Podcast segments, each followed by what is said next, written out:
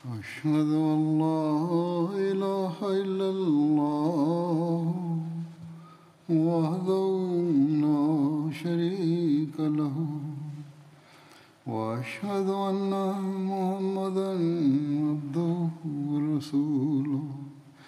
أما بعد فأعوذ بالله من الشيطان الرجيم. بسم الله الرحمن الرحيم. الحمد لله رب العالمين. الرحمن الرحيم. مالك يوم الدين. إياك نعبد وإياك نستعين.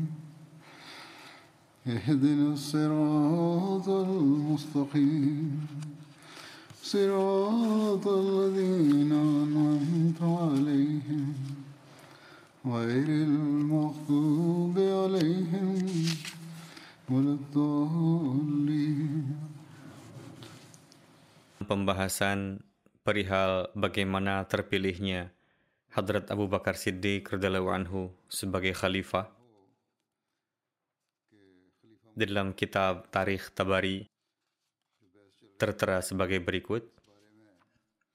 Dalam peristiwa ini, Hadrat Khubab bin Munzir berdiri dan berkata, Wahai golongan Ansar, ambillah perkara ini di tanganmu, karena mereka ini, yakni golongan muhajirin saat ini ada di bawah naunganmu. Tidak akan ada yang berani memusuhimu, dan orang-orang tidak akan menentang pendapatmu, Kalian adalah orang-orang yang bermartabat, kaya, berjumlah banyak, kuat, berwibawa, berpengalaman, pejuang, kesatria, dan pemberani. Semua orang tengah memandangmu dan apa yang sedang kalian lakukan. Kini janganlah saling berselisih, jika tidak pendapatmu ini justru akan menimbulkan kerusakan bagimu dan semua itu akan berbalik kepadamu. Alhasil, jika orang-orang ini, yakni golongan muhajirin Quraisy, mengingkari hal yang baru saja kalian dengar ini, maka akan ada seorang amir dari antara kita dan seorang amir dari antara mereka. Atas hal ini, Hadrat Umar bersabda, ini tidaklah mungkin.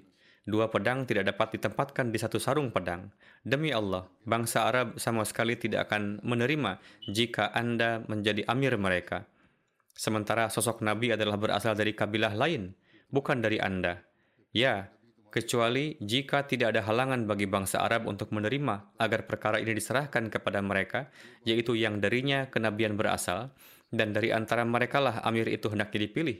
Kemudian seandainya ada di antara bangsa Arab yang menolak kepemimpinan ini, maka kita memiliki dalil dan kebenaran yang nyata untuk menghadapi mereka. Siapakah yang akan menentang kami terkait kepemimpinan yang mulia Muhammad Sallallahu Alaihi Wasallam? Kamilah yang merupakan sahabat dan keluarga besar beliau Sallallahu Alaihi Wasallam. Kecuali mereka yang bodoh, berdosa, atau sengaja memasukkan dirinya ke dalam kehancuranlah yang akan menentang pendapat ini, dan tidak ada yang lain. Khubab bin Munzir berkata, Wahai golongan Ansar, pertimbangkanlah sendiri perkara ini, dan janganlah sekali-kali percaya akan perkataan orang itu, dan mereka yang sependapat dengannya karena mereka pun ingin melenyapkan bagian kalian. Dan jika mereka ini tidak menerima pendapat kita, maka keluarkanlah mereka semua dari daerah kita dan ambillah kendali semua urusan ke tangan kita. Karena demi Tuhan, kalianlah yang paling berhak dan mampu untuk kepemimpinan ini. Pedang kalianlah yang telah menjadikan segenap orang taat di dalam agama ini, yaitu mereka yang sebelumnya sama sekali tidak akan taat. Saya bersedia mengambil segenap tanggung jawab atas keputusan ini, karena saya sungguh berpengalaman dan mampu akan hal ini. Demi Tuhan, jika kalian menghendaki, maka saya akan segera memilih dan memutuskannya. Hadrat Umar berkata, jika Anda melakukan hal demikian, maka Allah akan memusnahkan kalian. Ia, ia, yakni Khubab berkata, tidak, justru engkaulah yang akan dimusnahkan. Hadrat Abu Ubaidah saat itu berkata, Wahai golongan Ansar, Anda sekalianlah yang paling pertama menaungi dan menolong Islam.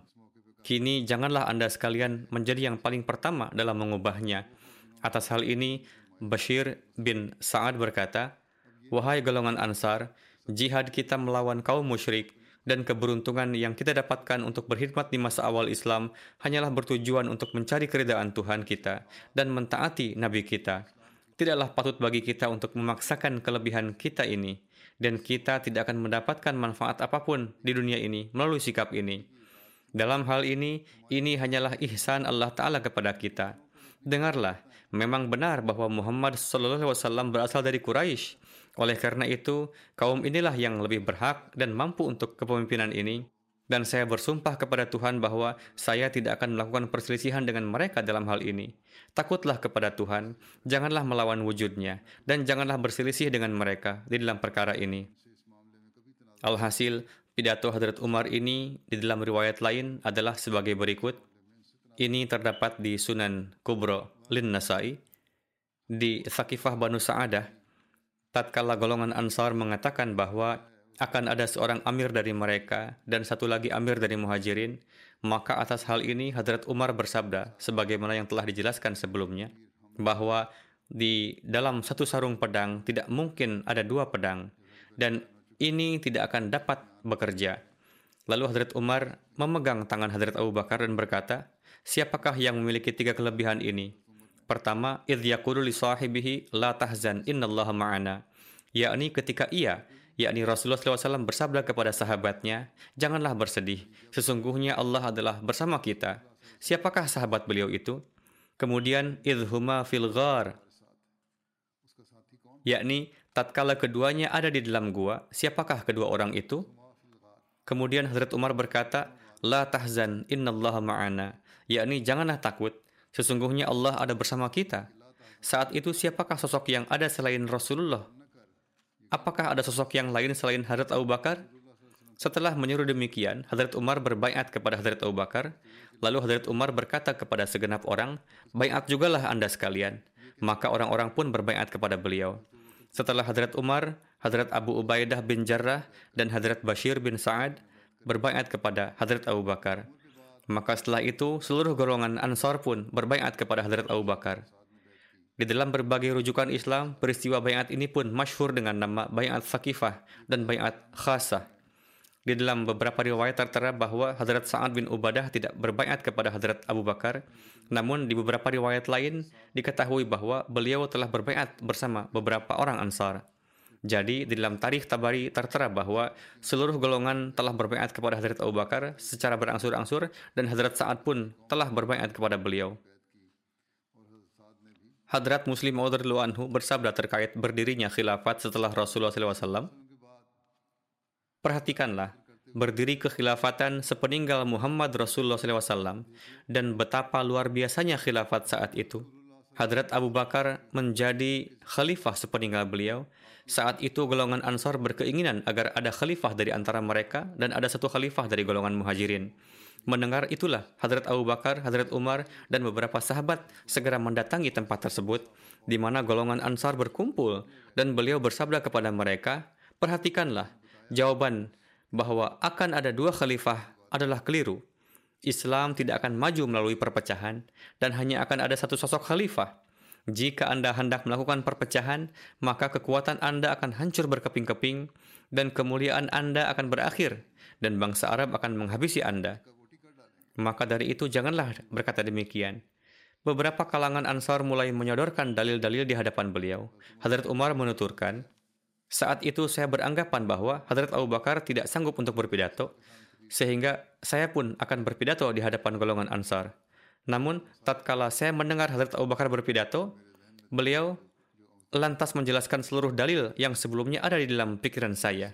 Hazrat Umar bersabda, dalil-dalil yang sebelumnya ada di dalam pikiran beliau. Bahkan Hadrat Abu Bakar pun telah menyampaikan dalil-dalil yang lebih dari itu. Hadrat Umar menuturkan, menyaksikan hal ini, maka saya berkata dalam hati, hari ini sosok yang tua ini telah melampaui saya. Pada akhirnya, Allah Ta'ala pun menurunkan karunia-Nya sedemikian rupa, di mana ada beberapa tokoh Ansar yang maju dan mereka berkata, sungguh benar apa yang telah disabdakan oleh Hadrat Abu Bakar, bahwa segenap bangsa Arab tidak akan menaati siapa pun kecuali orang-orang Mekah. Kemudian ada seorang Ansari yang berkata dengan penuh gejolak, Wahai kaumku, Allah Ta'ala telah membangkitkan di negeri ini sesosok Rasul. Keluarga besarnya sendiri telah mengusirnya dari kotanya, dan kita telah memberikan rumah-rumah kita sebagai tempat baginya, dan Allah Ta'ala telah menganugerahkan kemuliaan kepada kita melalui wujudnya. Dahulu tidak ada yang mengenal kita, penduduk Madinah, dan kita dahulu adalah orang-orang yang hina. Namun karena sosok Rasul itulah kita menjadi mulia dan masyhur. Kini cukuplah Anda sekalian dengan suatu hal yang telah membuat kita mulia ini. Dan janganlah berlaku nak tamak, karena jangan sampai ini akan mendatangkan kerugian bagi kita. Saat itu Hadrat Abu Bakar bersabda, perhatikanlah, menegakkan khilafat adalah penting. Selanjutnya, angkatlah siapa pun sesuai keinginan Anda sebagai khalifah. Dan saya tidak memiliki keinginan apa pun menjadi khalifah.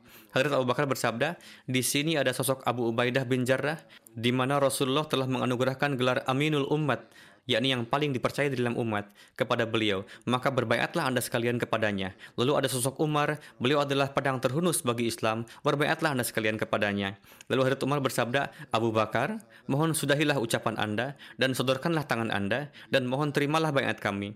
Maka Allah Ta'ala pun menurunkan keberanian ke dalam kalbu Hadrat Abu Bakar, dan beliau pun menerima baiat mengenai baiat di Sakifah Bani Sa'adah secara lebih lanjut tertulis yaitu Rasulullah telah wafat di hari Senin. Orang-orang telah sibuk berkumpul di Sakifah Bani Sa'adah untuk berbaiat kepada Hadrat Abu Bakar. Kemudian di penghujung hari Senin dan di Selasa pagi, orang-orang yang lain pun berbaiat di masjid. Hadrat Anas bin Malik menjelaskan, ketika telah terjadi baiat di Sakifah Bani Sa'adah, maka di hari selanjutnya Hadrat Abu Bakar Siddiq duduk Sementara Hadrat Umar berdiri dan menyampaikan pidato sebelum Hadrat Abu Bakar. Hadrat Umar mengucapkan puji sanjung kepada Allah Ta'ala dan berkata, Wahai semua orang, kemarin saya telah menyampaikan sesuatu kepada anda sekalian bahwa Rasulullah tidaklah wafat. Saat itu saya menganggap bahwa kewafatan beliau tidak ada di mana pun di dalam kitabullah. Dan tidak pula Nabi Karim SAW telah mewasiatkannya kepada saya. Saat itu saya menganggap bahwa Rasulullah pasti akan mengatur perkara ini bagi kita.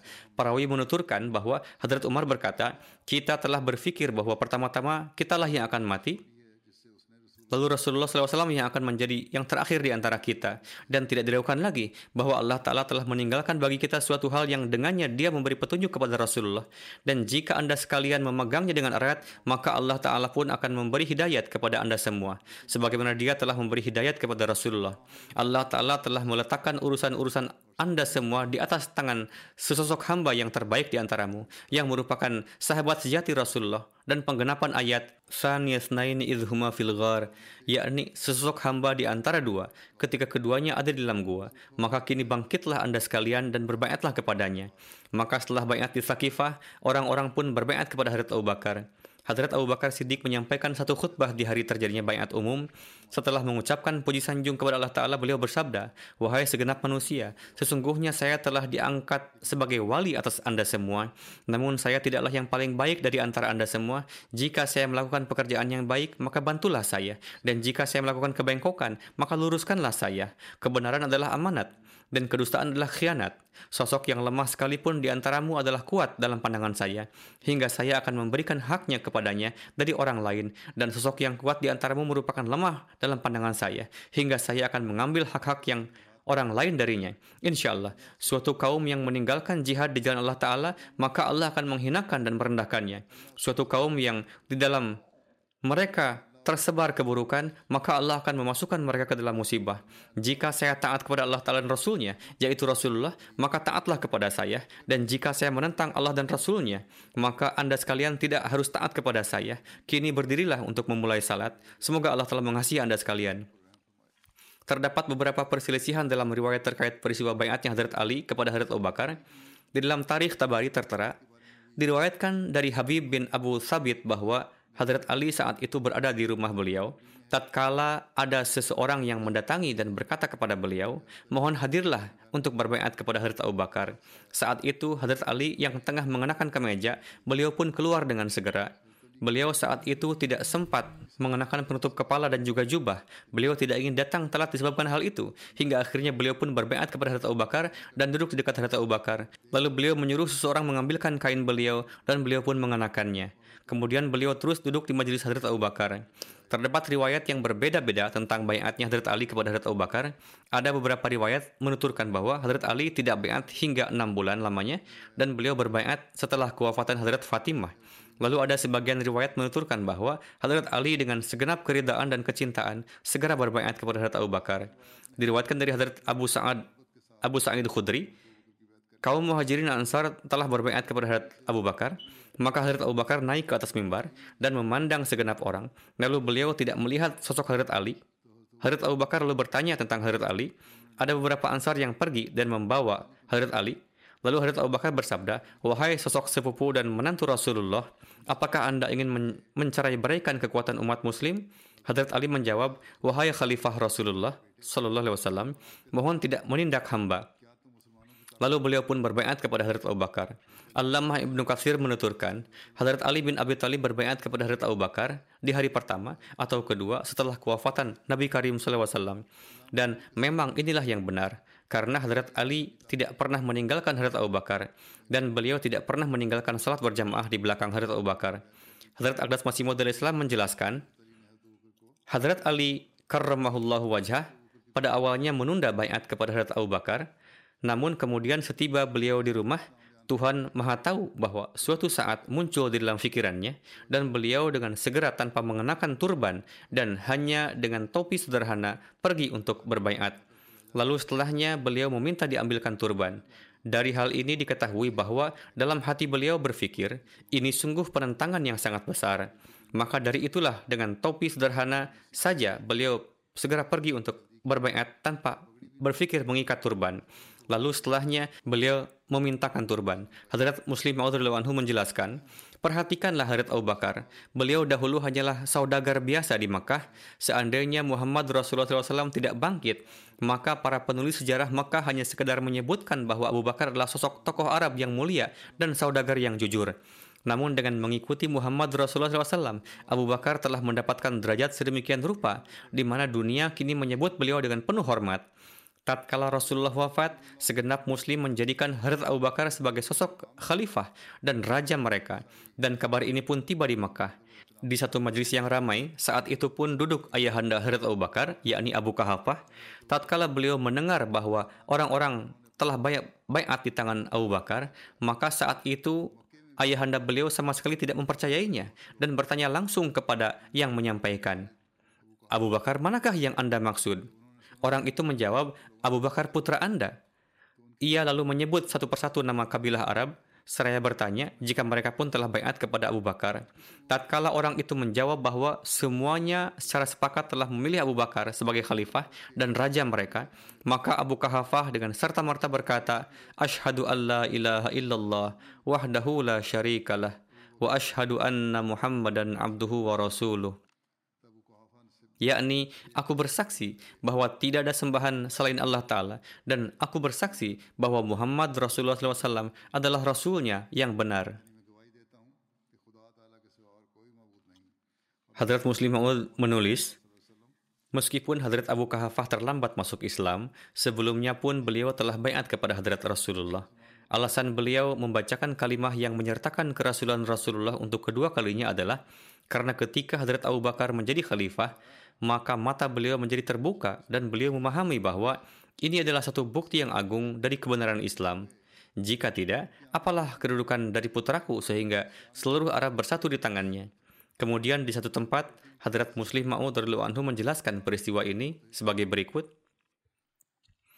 Lihatlah bagaimana kondisi Hadrat Abu Bakar sebelum masuk Islam. Ketika beliau menjadi khalifah, ayahanda beliau masih hidup. Seseorang pergi kepadanya mengabarkan bahwa selamat, Abu Bakar telah menjadi khalifah. Beliau bertanya, Abu Bakar yang mana? Ia mengatakan, putra Anda. Beliau masih tetap tidak yakin dan mengatakan bahwa mungkin yang dimaksud adalah orang yang lain. Namun ketika beliau diyakinkan, maka beliau mengatakan Allahu Akbar. Betapa agungnya Muhammad sallallahu alaihi wasallam hingga orang-orang Arab telah menjadikan putra Abu Kahafah sebagai pemimpin mereka. Singkatnya, Abu Bakar yang dahulu tidak memiliki suatu kemuliaan apa pun di dunia, berkat Muhammad sallallahu alaihi wasallam, ia telah mendapatkan kehormatan yang sedemikian rupa sehingga saat ini pun jutaan orang dengan bangga menisbahkan diri mereka kepadanya. Hadrat Khalifatul Masih Awal radhiyallahu bersabda, sesungguhnya pahamilah bahwa Allah Ta'ala tidak memiliki pertanggungjawaban atas ihsan siapa pun. Dia menganugerahkan puluhan juta kali lebih banyak daripada yang diberikan siapa pun kepadanya. Lihatlah, Hadrat Abu Bakar telah meninggalkan sebuah rumah sederhana di Mekah, akan tetapi Allah Ta'ala telah sedemikian rupa menghargainya. Sebagai imbalannya, beliau dijadikan pemilik suatu kerajaan. Berkenaan dengan kekhalifahan Hadrat Abu Bakar terdapat satu ru'ya Hadrat Rasulullah SAW mengenainya disebutkan bahwa diriwayatkan dari Hadrat Abdullah bin Umar bahwa Nabi SAW bersabda, di dalam mimpi diperlihatkan kepadaku bahwa aku berdiri di atas sebuah sumur, aku menimba air dengan ember yang diletakkan pada katrol. Tidak berapa lama Abu Bakar datang dan beliau menimba satu atau dua ember dan mengeluarkannya dengan tarikan yang begitu lemah dan Allah Ta'ala menutupi kelemahannya dan memaafkannya. Kemudian Umar bin Khattab datang dan ember tersebut berganti menjadi ember besar. Aku tidak melihat seseorang yang begitu kuat yang melakukan pekerjaan dengan sedemikian rupa menakjubkan seperti yang Umar lakukan. Beliau mengeluarkan begitu banyak air sehingga orang-orang puas dan kembali ke tempat mereka masing-masing. Hadrat Abu Bakar juga melihat satu ru'ya berkenaan dengannya. Diriwayatkan bahwa Hadrat Abu Bakar suatu kali melihat dalam mimpi bahwa pada tubuh beliau ada sepasang kain Yaman. Namun pada bagian dadanya terdapat dua noda. Hadrat Abu Bakar menceritakan mimpi ini ke hadapan Hadrat Rasulullah. Maka Rasulullah bersabda, maksud dari sepasang kain Yamani ini adalah Anda akan mendapatkan anak keturunan yang baik dan maksud dari dua noda adalah dua tahun kepemimpinan, yakni Anda akan menjadi kepala pemerintahan orang-orang Islam. Terdapat riwayat berkenaan dengan penetapan tunjangan bagi Hadrat Abu Bakar setelah pemilihan khalifah. Bahwa setelah menjadi khalifah, beliau datang ke Madinah dan menetap di sana. Beliau telah merenungkan tugas-tugas pemerintahan beliau dan berkata bahwa, Demi Allah, mengurusi urusan masyarakat tidak akan dapat dilakukan dengan baik jika sambil berdagang. Untuk pengkhidmatan ini diperlukan waktu yang luang dan fokus yang penuh. Di sisi lain, terdapat juga kebutuhan keluarga saya. Oleh karena itu, beliau meninggalkan perdagangan dan mulai mengambil biaya pengeluaran harian dari Baitul Mal untuk kebutuhan diri beliau dan keluarga beliau. Untuk pengeluaran pribadi beliau telah disetujui sebesar 6.000 dirham per tahun maka ditetapkanlah tunjangan dengan nominal tersebut bagi Hadrat Abu Bakar dari Baitul Mal, yang dengannya penghidupan beliau dan keluarga beliau dapat terpenuhi. Akan tetapi ketika menjelang kewafatannya, beliau memerintahkan kepada sanak kerabat beliau bahwa kembalikanlah seluruh tunjangan yang telah saya ambil dari Baitul Mal dan juallah tanah saya di beberapa tempat tertentu untuk pembayarannya dan dengan menjual tanah tersebut bayarkanlah seluruh jumlah harta kaum muslimin yang telah saya belanjakan untuk diri saya. Oleh karena itu, setelah kewafatan beliau, ketika Hadrat Umar menjadi khalifah dan harta itu sampai kepada beliau, maka beliau menangis dan berkata, Wahai Abu Bakar Siddiq, engkau telah memberikan beban yang begitu berat kepada penerusmu. Hadrat Muslim Ma'ud anhu menjelaskan, Hadrat Abu Bakar adalah raja seluruh dunia Islam, namun apa yang telah beliau dapat? Memang beliau adalah penjaga harta masyarakat, namun beliau tidak menguasai harta tersebut secara pribadi. Hadrat Abu Bakar memang seorang pedagang, namun dikarenakan beliau sering memiliki kebiasaan bahwa begitu mendapatkan uang, beliau langsung memberikannya di jalan Allah Ta'ala. Maka bertepatan ketika Rasulullah wafat dan beliau menjadi khalifah, pada saat itu beliau tidak memiliki uang. Pada hari kedua kekhalifahan, beliau mengambil buntalan pakaian dan pergi untuk menjualnya. Beliau bertemu dengan Hadrat Umar di jalan, lalu Hadrat Umar bertanya, apa yang Anda lakukan? Beliau menjawab, pada akhirnya saya harus makan. Jika saya tidak menjual pakaian, dari mana saya akan makan? Hadrat Umar mengatakan, tidak bisa seperti ini. Jika Anda berjualan pakaian, lalu siapa yang akan mengerjakan tugas khilafat? Hadrat Abu Bakar menjawab, jika saya tidak melakukan pekerjaan ini, lantas bagaimana saya akan memenuhi penghidupan? Hadrat Umar berkata, ambillah tunjangan dari Baitul Mal. Hadrat Abu Bakar menjawab, saya tidak dapat menerima ini. Apa hak saya atas Baitul Mal? Hadrat Umar mengatakan, ketika Al-Quran mengizinkan bahwa para pengkhidmat agama bisa menggunakan uang Baitul Mal, lantas mengapa Anda tidak bisa mengambilnya?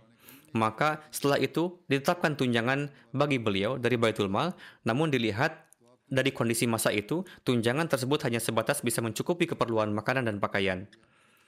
Masa kekhalifahan Hadrat Abu Bakar adalah yang tersingkat di antara keempat Khulafaur Rashidin yang mana berlangsung selama sekitar dua tahun. Namun, Masa yang singkat tersebut pantas disebut sebagai satu masa paling penting dan masa keemasan khilafat Rashidah. Karena Hadrat Abu Bakar yang paling banyak menghadapi bahaya dan musibah. Kemudian berkat dukungan dan pertolongan serta karunia yang luar biasa dari Allah Ta'ala dengan keberanian, pemahaman, dan firasat yang sempurna dari Hadrat Abu Bakar, hanya dalam waktu singkat, awan ketakutan, dan bahaya itu menyingkir dan semua ketakutan berganti menjadi kedamaian dan para pengkhianat serta pemberontak itu berhasil ditumpas sehingga bangunan khilafat yang telah goyah menjadi tegak di atas pondasi-pondasi yang kokoh dan kuat berkenaan dengan bahaya-bahaya dan kesulitan-kesulitan yang dihadapi Hadrat Abu Bakar di masa awal khilafat, Ummul Mukminin Hadrat Aisyah juga mengisahkan mengenainya. Seraya membahas hal ini, Hadrat Masih Maud bersabda, Hadrat Aisyah radhiyallahu anha meriwayatkan, ketika ayah saya diangkat sebagai khalifah dan Allah Ta'ala menyerahkan tanggung jawab untuk memimpin kepada beliau, seketika bermula masa kekhalifahan beliau, saat itu beliau melihat kekacauan dari berbagai arah, rencana para pendakwa kenabian palsu dan pembangkangan orang-orang munafik yang murtad dan sedemikian rupa dahsyatnya bencana yang menimpa beliau sehingga jika seandainya itu menimpa gunung-gunung maka akan rata menjadi tanah dan seketika akan jatuh berkeping-keping.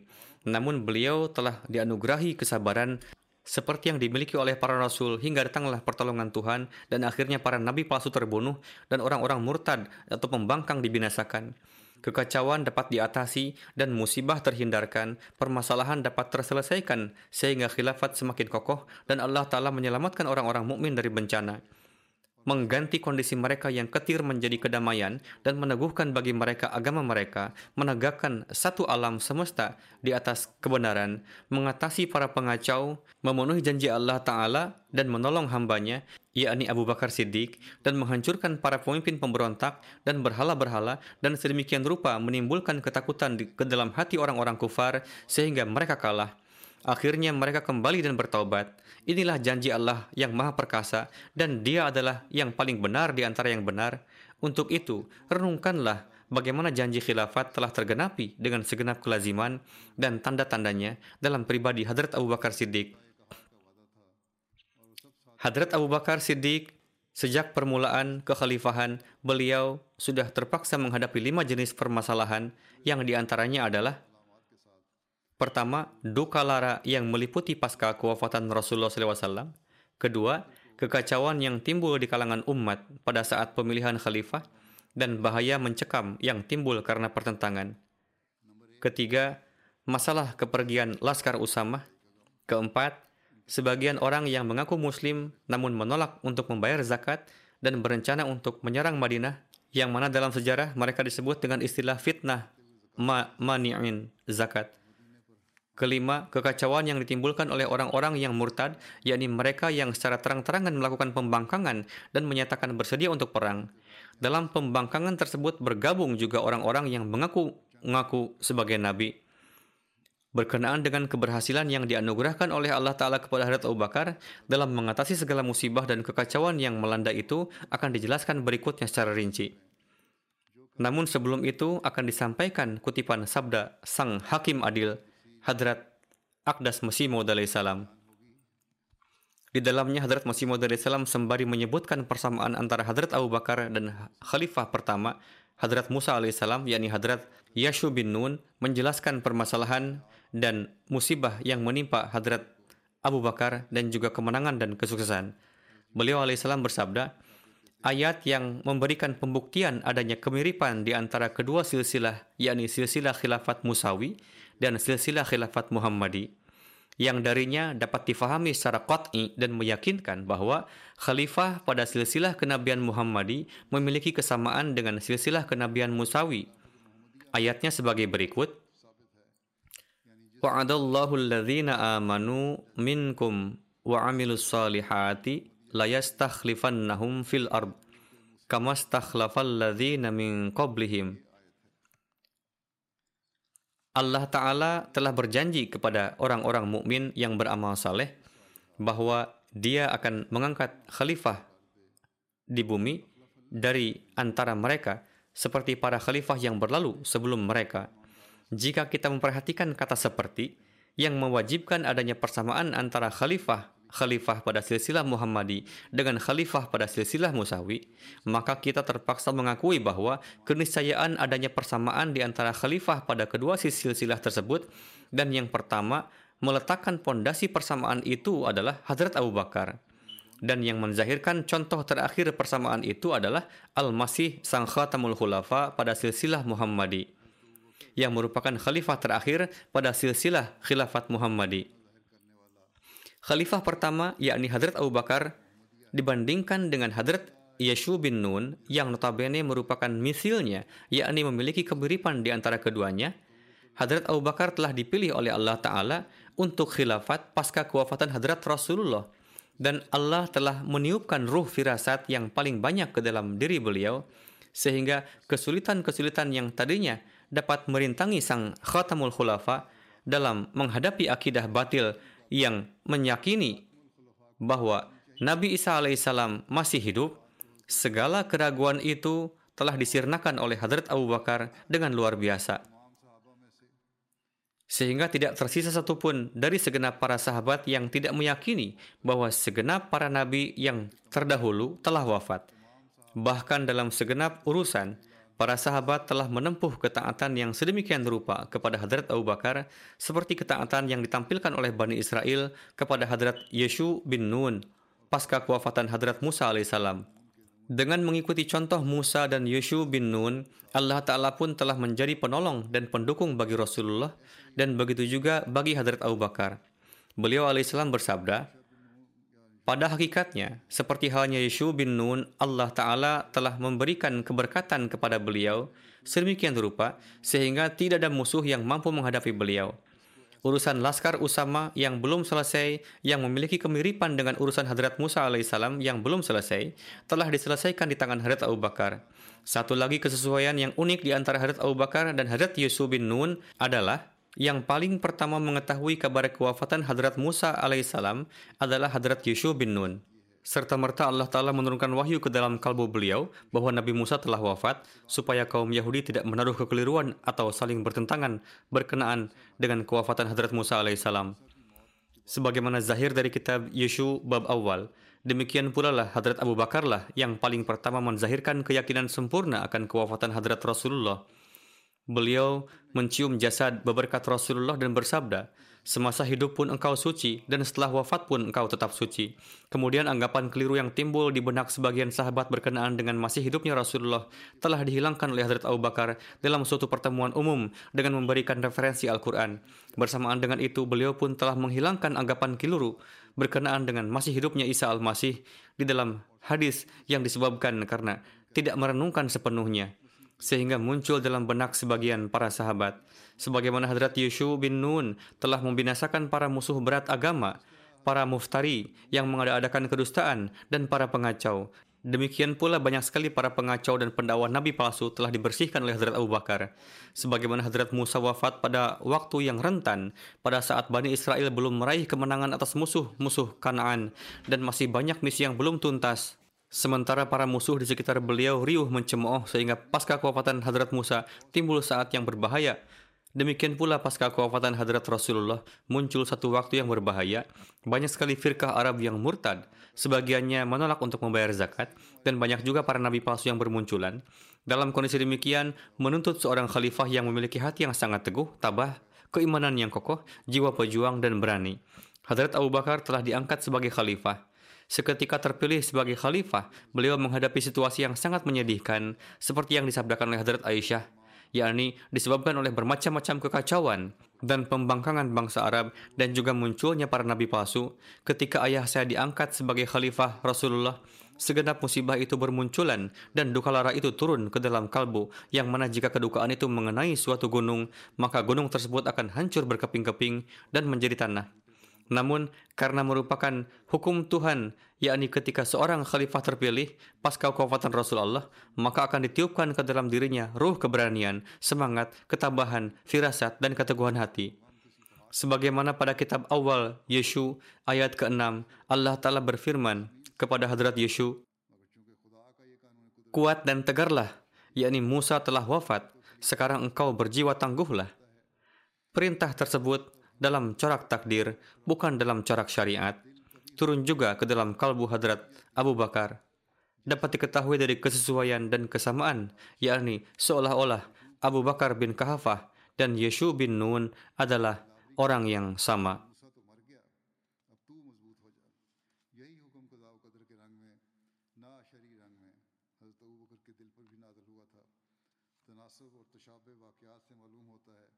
Kesamaan penerus mereka telah menjadi sangat jelas. Jika melihat kesamaan antara dua silsilah yang sudah mapan, wajar jika melihat orang pertama atau orang terakhir. Biasanya masyarakat tidak menganggap perlu untuk melihat kesamaan selama periode pertengahan dari kedua silsilah yang membutuhkan penyelidikan dan penelitian yang lebih cermat. Sebaliknya, itu didasarkan pada yang pertama dan terakhir. Untuk alasan ini, kesamaan antara Yashu bin Nun dan Hadrat Abu Bakar radhiyallahu anhu yang merupakan khalifah pertama dari silsilah mereka masing-masing dan juga kesamaan antara Isa bin Maryam dan Hadrat Masih Maud salam yang adalah khalifah terakhir dari silsilah mereka masing-masing telah menjadi nyata dengan sangat jelas. Misalnya, kemiripan antara Hadrat Abu Bakar dan Yeshu bin Nun begitu mencolok sehingga seolah-olah mereka adalah satu orang, seperti dua keping permata yang sama. Demikianlah, setelah wafatnya Hadrat Musa alaihissalam, seluruh Bani Israel mendengarkan seruan Yeshu bin Nun, dan tidak ada di antara mereka yang berselisih dalam hal ini, dan malah menaatinya. Demikian pula peristiwa tersebut dialami oleh Hadrat Abu Bakar radhiyallahu anhu. Meskipun meneteskan air mata atas wafatnya Nabi Suci Sallallahu Alaihi Wasallam, semua orang dengan sepenuh hati menerima khilafat Hadrat Abu Bakar radhiyallahu anhu. Alhasil, dari berbagai sisi, terbukti adanya persamaan antara Hadrat Abu Bakar Siddiq dengan Hadrat Yeshu bin Nun, sebagaimana Tuhan telah memperlihatkan dukungannya kepada Hadrat Yeshu bin Nun, yang mana dukungan tersebut senantiasa diperlihatkan kepada Hadrat Musa alaihissalam. Demikian pula Tuhan memberikan keberkatan pada tugas-tugas Hadrat Abu Bakar di hadapan segenap para sahabat dan meraih kejayaan seperti para nabi. Hadrat Abu Bakar berhasil memberantas para pengacau dan pendakwa kedamaian palsu dengan meraih kekuatan dan ketangguhan dari Allah Ta'ala. Sehingga para sahabat radhiyallahu anhum mengetahui bahwa sebagaimana Tuhan menyertai Hadrat Rasulullah, begitu pula Hadrat Abu Bakar radhiyallahu anhu. Satu lagi kesesuaian yang unik antara Hadrat Abu Bakar dengan Hadrat Yeshu bin Nun adalah suatu hari Hadrat Yeshu bin Nun menghadapi situasi di mana harus menyeberangi sebuah sungai yang mengerikan bernama Yardun beserta para laskar. Saat itu badai menerjang di sungai Yardun sehingga mustahil untuk diseberangi.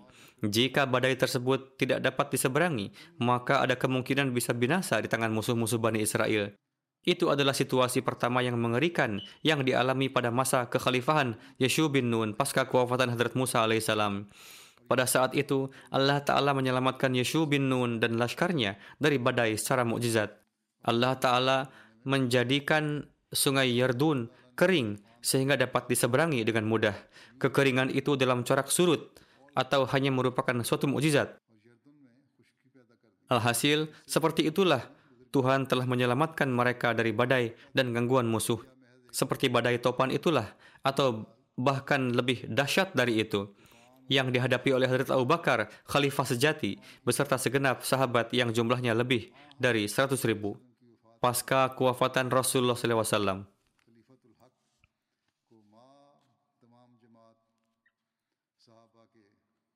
yakni pemberontakan yang dahsyat merebak di dalam negeri.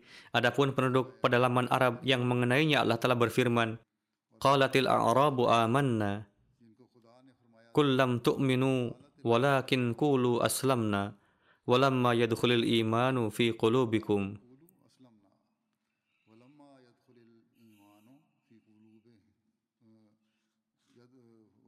adalah mesti sesuai dengan nubuatan tersebut mereka rusak sehingga nubuatan tersebut tergenapi. Yakni ayat arti ayat tersebut adalah orang-orang pedalaman Arab mengatakan, "Kami telah beriman." Engkau katakanlah bahwa kalian tidaklah beriman, namun katakan saja bahwa kami telah menjadi muslim sebelum keimanan masuk ke dalam hati kalian.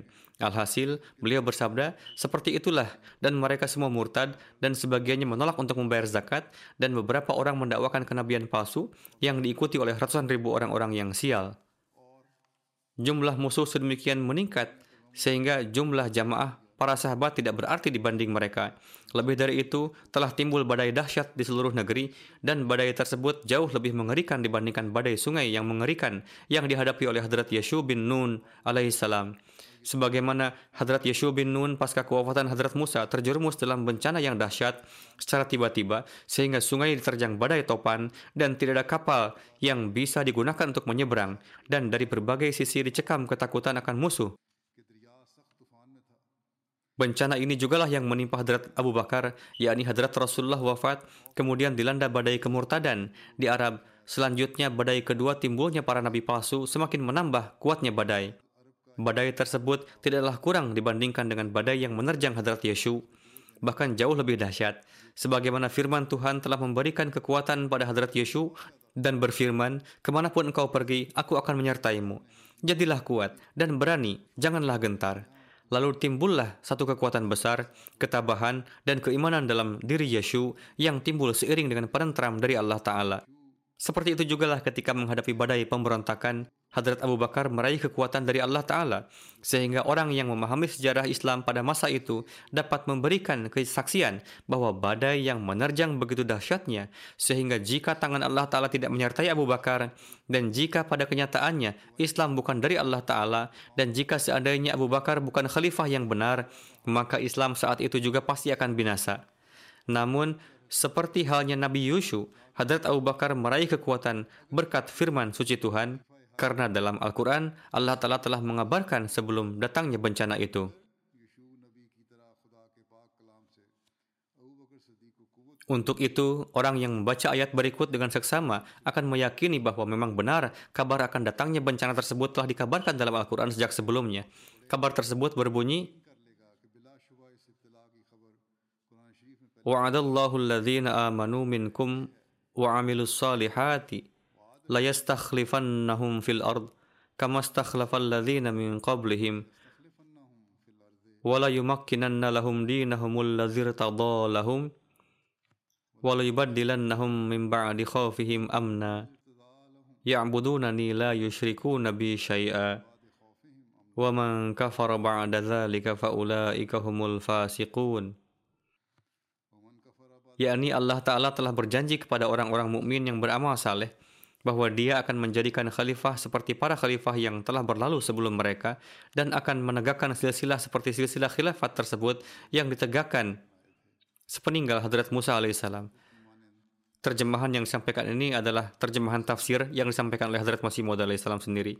Beliau bersabda, akan ditegakkan khilafat seperti khilafat pada silsilah yang didirikan sepeninggal Hadrat Musa dan akan menegakkan agama yang telah diridhoi di bumi, yakni Islam akan menancapkan akarnya dan mengganti kondisi yang mencekam dengan kedamaian.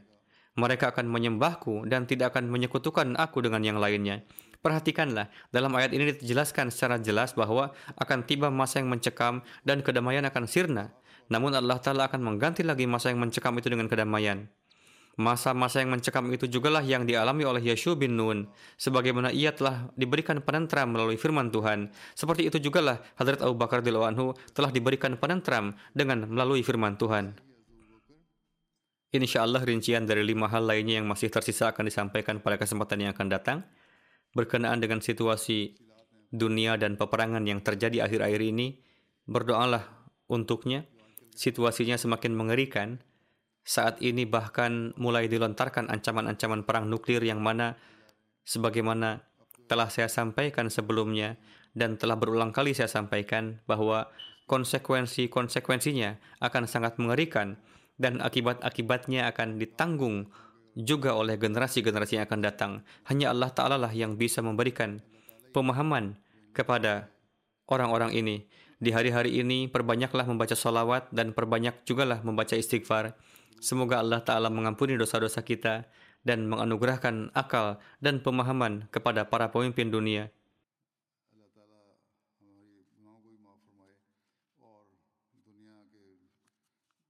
Pada satu kesempatan, Hadrat Masih Maud salam menasihatkan secara khusus kepada para anggota jemaat untuk banyak membaca doa Rabbana atina fid dunya hasanatan wa fil akhirati hasanatan wa qina adzabannar dan beliau bersabda, bacalah doa ini pada saat berdiri setelah ruku.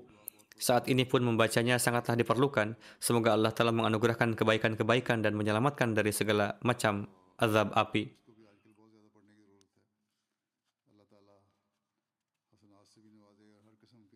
Hari ini saya juga akan melaksanakan satu salat jenazah gaib yaitu yang terhormat Abul Faraj Al-Husni Sahib dari Syria. Beliau wafat pada 13 Februari di usia 90 tahun. Inna lillahi wa inna ilaihi raji'un. Ayahanda beliau yang terhormat Muhammad Al-Husni Sahib adalah termasuk di antara para Ahmadi awalin. Beliau beat melalui Maulana Jalaluddin Syam Sahib. Abul Faraj Al-Husni Sahib adalah menantu dari Amir pertama Jemaat Syria yang terhormat Munirul Husni Sahib dan di masa jabatan beliau almarhum juga mengkhidmati jemaat sebagai naib amir. Belakangan pun beliau tetap menjabat sebagai naib amir. Beliau lahir pada tahun 33 dan beliau sangat terkesan dengan kesalehan, ketakwaan, dan diskusi keilmuan paman beliau Munirul Husni Sahib. Beliau biasa hadir dalam majlis Munirul Husni Sahib. Pada usia 15 tahun, beliau mendengar tilawat Al-Quran di radio dan menangis. Beliau pergi kepada pamannya dan mengatakan kepadanya, saya ingin tahu lebih banyak tentang Allah Ta'ala. Paman beliau memberikan satu buku Hadrat Masih Maud salam. Setelah membaca buku tersebut, kondisi hati beliau berubah. Lalu datang kepada pamannya dan mengatakan bahwa saya ingin bayat. Beliau mendapatkan kehormatan bermulakat dengan tiga khalifah dalam jemaat.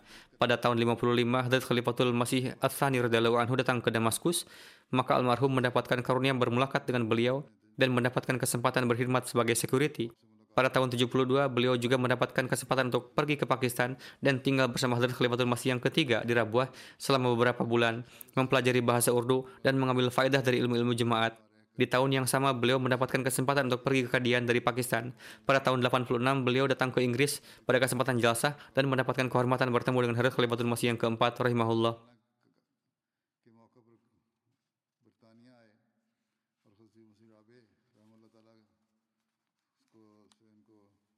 Kemudian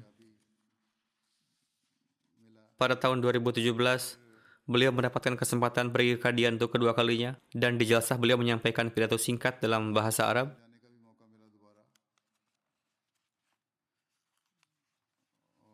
Almarhum adalah figur yang sangat baik, saleh, mukhlis, dan syarat dengan ilmu serta mengamalkannya juga. Beliau tidak mempunyai anak dan is dan istri beliau pun adalah Gair Ahmadi. Sadar Jemaat Syria menuturkan, pada tahun 2017 saya pergi mengunjungi Kadian bersama beliau. Meskipun beliau begitu lemah, namun sedemikian rupa mendalamnya gairat beliau sehingga nampak seolah beliau tidak berjalan di atas tanah, melainkan terbang di udara.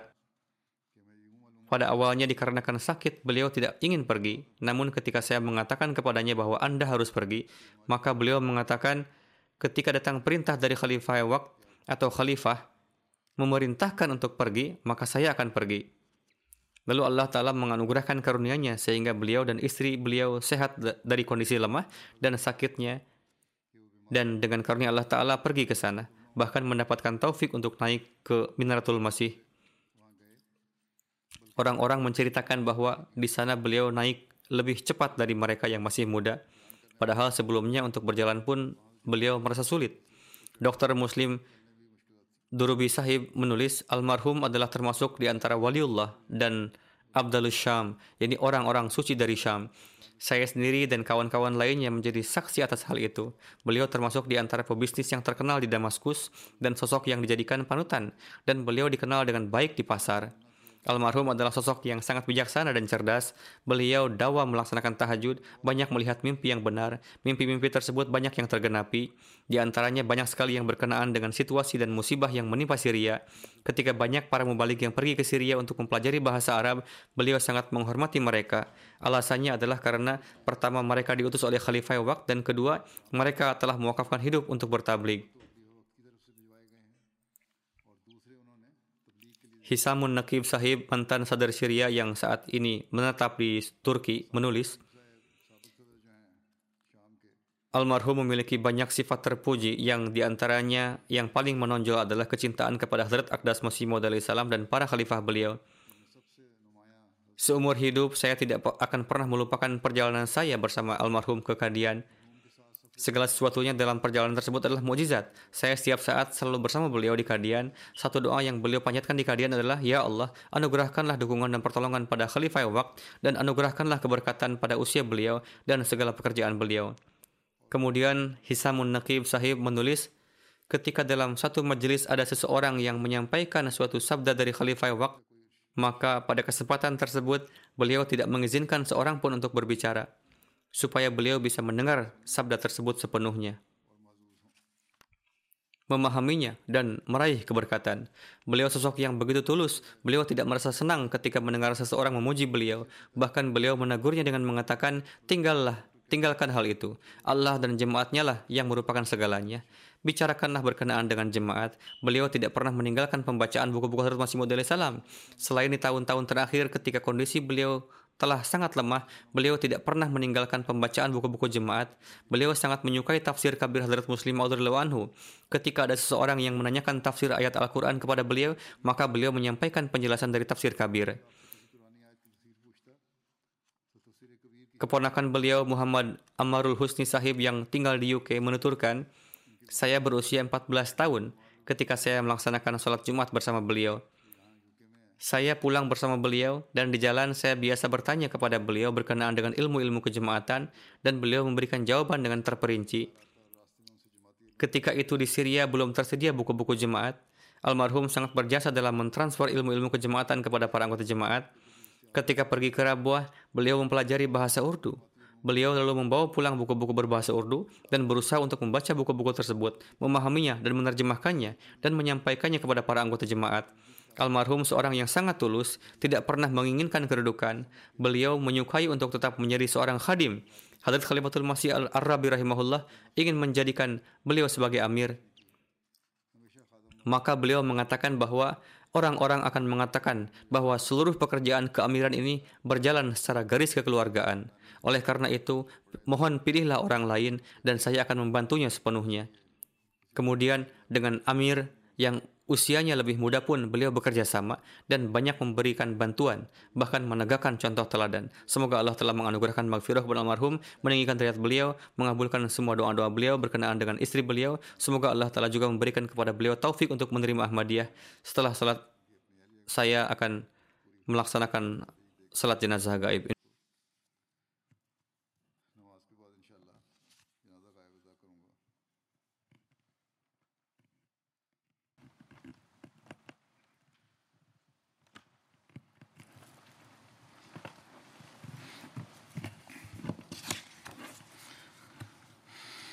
الحمد لله الحمد لله نحمده ونستعينه ونستغفره ونؤمن به ونتوكل عليه. ونعوذ بالله من شرور أنفسنا ومن سيئات أعمالنا. من يهده الله فلا مضل له ومن يضلل فلا هادي له. ونشهد أن لا إله إلا الله. ونشهد أن محمدا عبده ورسوله. عباد الله رحمكم الله. إن الله يأمر بالعدل واللسان وإيتاء ذي القربى. وينهى عن الفحشاء والمنكر والبغي يعظكم لعلكم تذكرون. اذكروا الله يذكركم ودوه يستجب لكم وذكر الله أكبر.